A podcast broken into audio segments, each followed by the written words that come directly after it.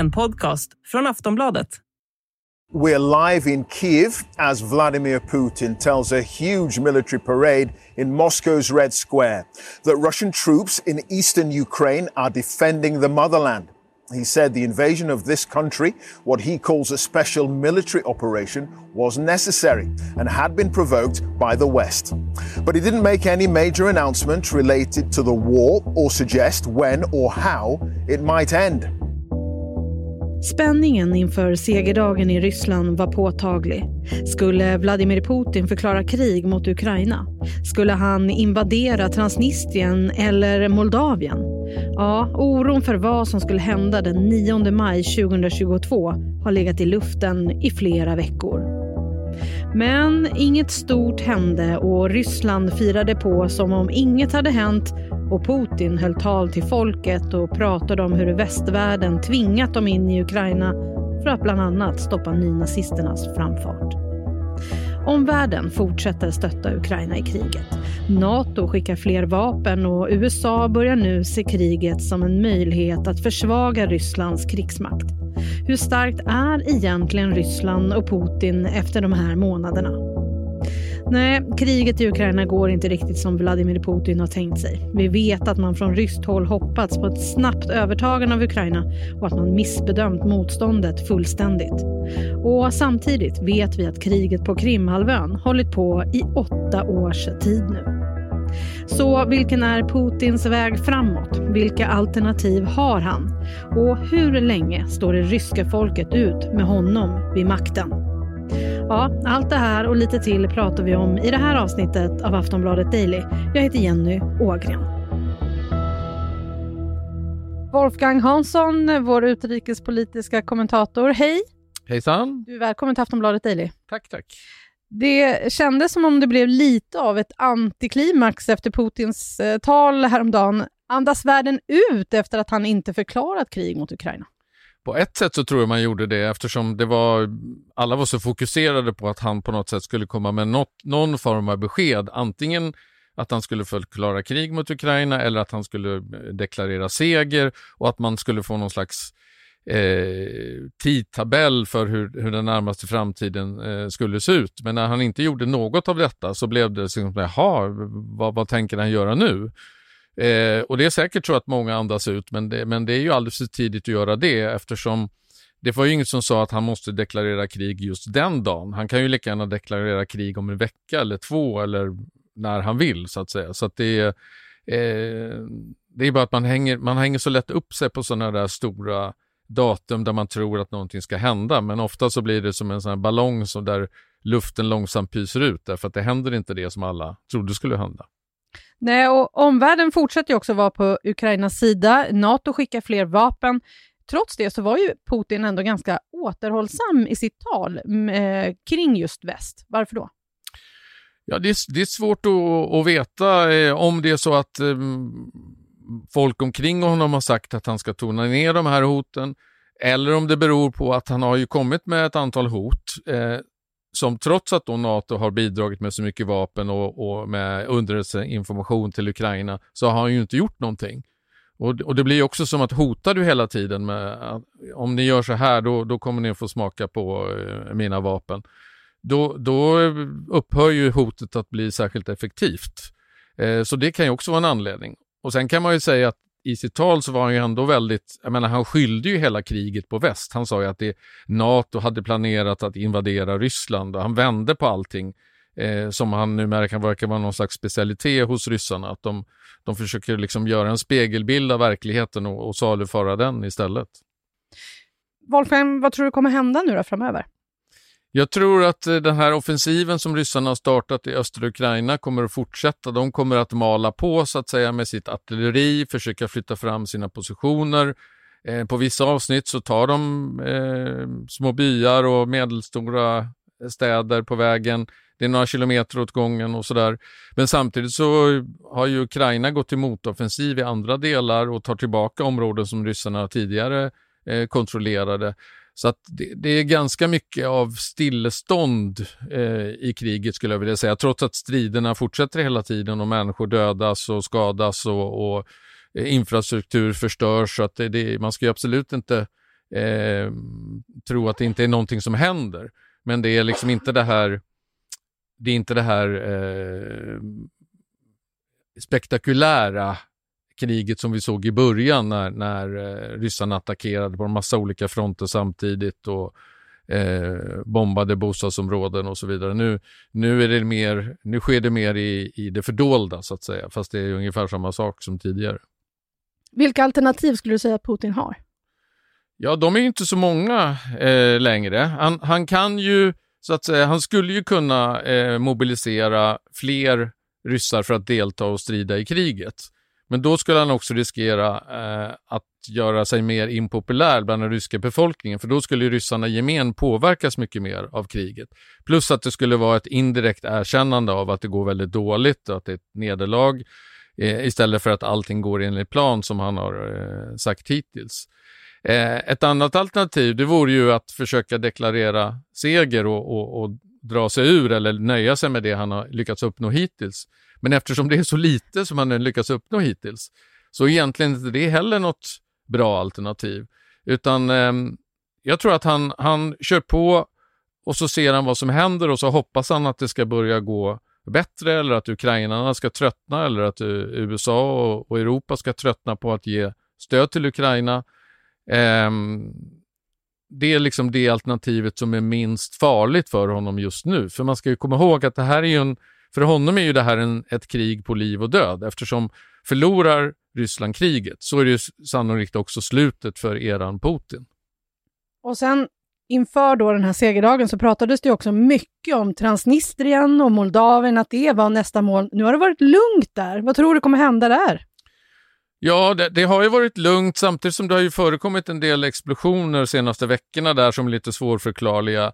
Och man, det finns de som tror att det är ryssarna som ligger bakom det i någon slags eh, försök att eh, ehm, göra det möjligt för, för Moskva att säga att vi måste skicka trupper till Transnistrien för att skydda ryssarna där och att de då skulle kunna attackera från två fronter, alltså att de skulle kunna gå in ifrån Transnistrien in mot Odessa eh, och fortsätta upp då eh, till östra Ukraina för att därmed skära av Ukraina helt och hållet från, från Svarta havet.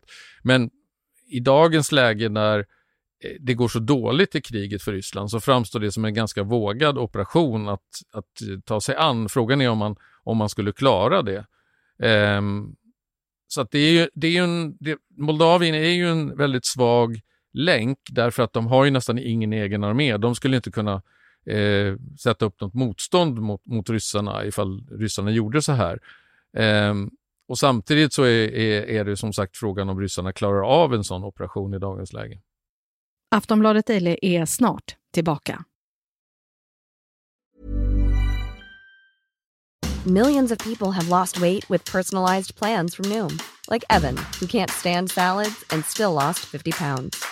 Salads generally for most people are the easy button, right? For me, that wasn't an option. I never really was a salad guy. That's just not who I am. But Noom worked for me.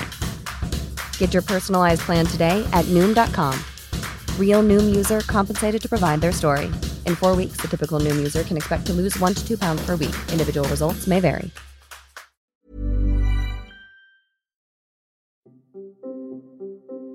Och Wolfgang, hur är det egentligen med oppositionen i Ryssland? Hur agerar den just nu, eller kan den ens agera? Alltså oppositionen i Ryssland skulle jag säga existerar inte längre.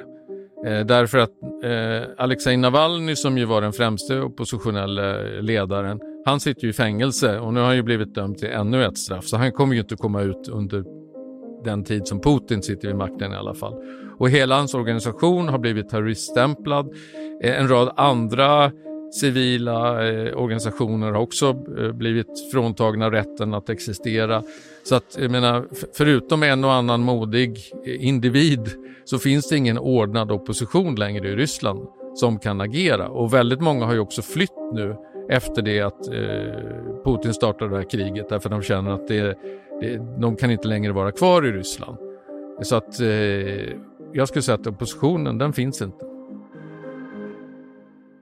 Hur är det med stödet då hos det ryska folket? Vad säger de om kriget eller den så kallade special, speciella invasionen? Det är ju inget, inget klang och jubel över kriget eller specialoperationen, vad man nu än vill kalla det.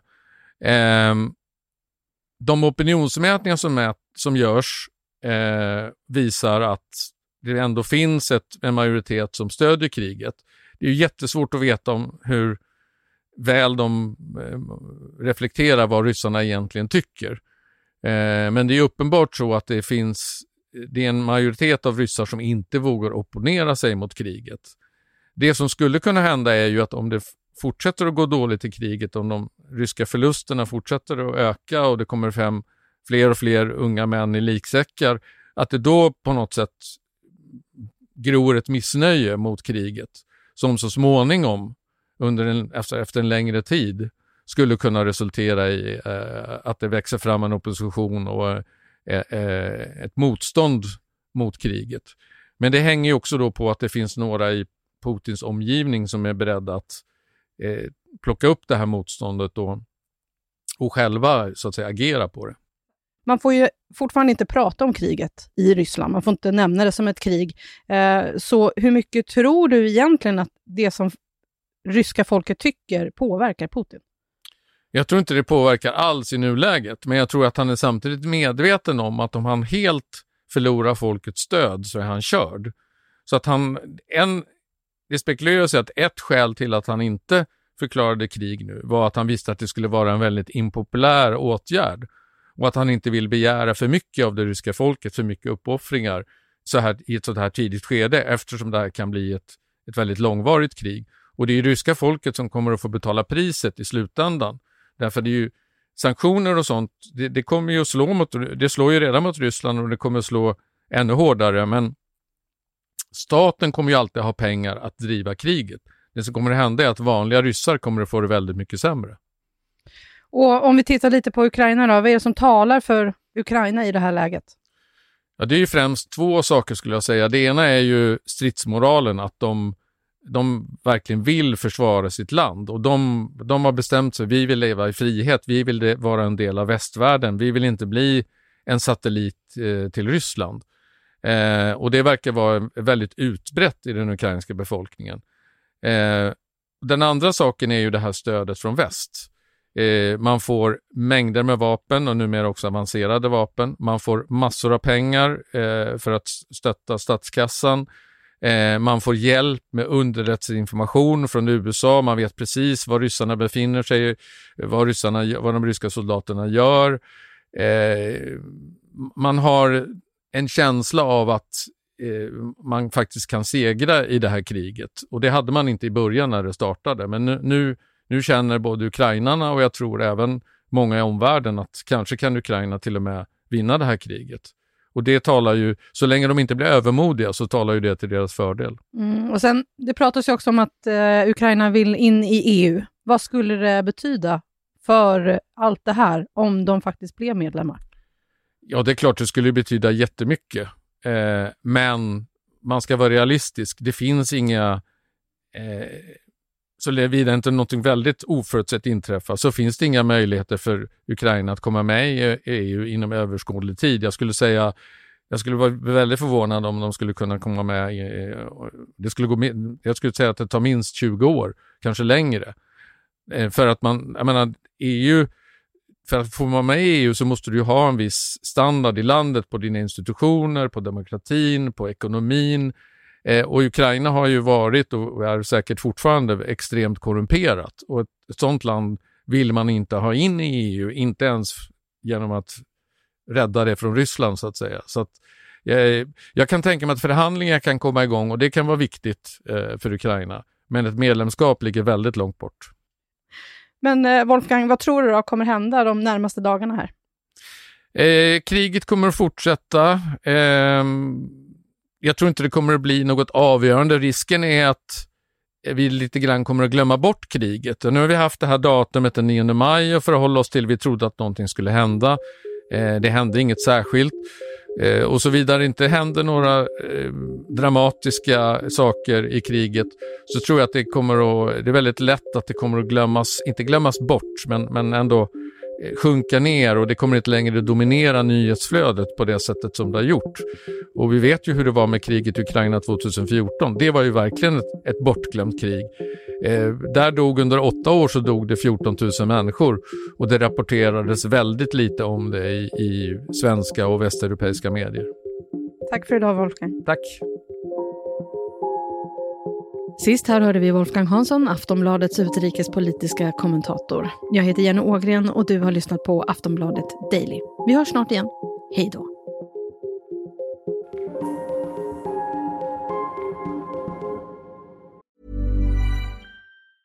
When you're ready to pop the question, the last thing you want to do is second guess the ring. At Bluenile.com you can design a one-of-a-kind ring with the ease and convenience of shopping online. Choose your diamond and setting. When you find the one, you'll get it delivered right to your door. Go to Bluenile.com and use promo code LISTEN to get $50 off your purchase of $500 or more. That's code LISTEN at Bluenile.com for $50 off your purchase. Bluenile.com code LISTEN. Du har lyssnat på en podcast från Aftonbladet. Ansvarig utgivare är Lena K Samuelsson.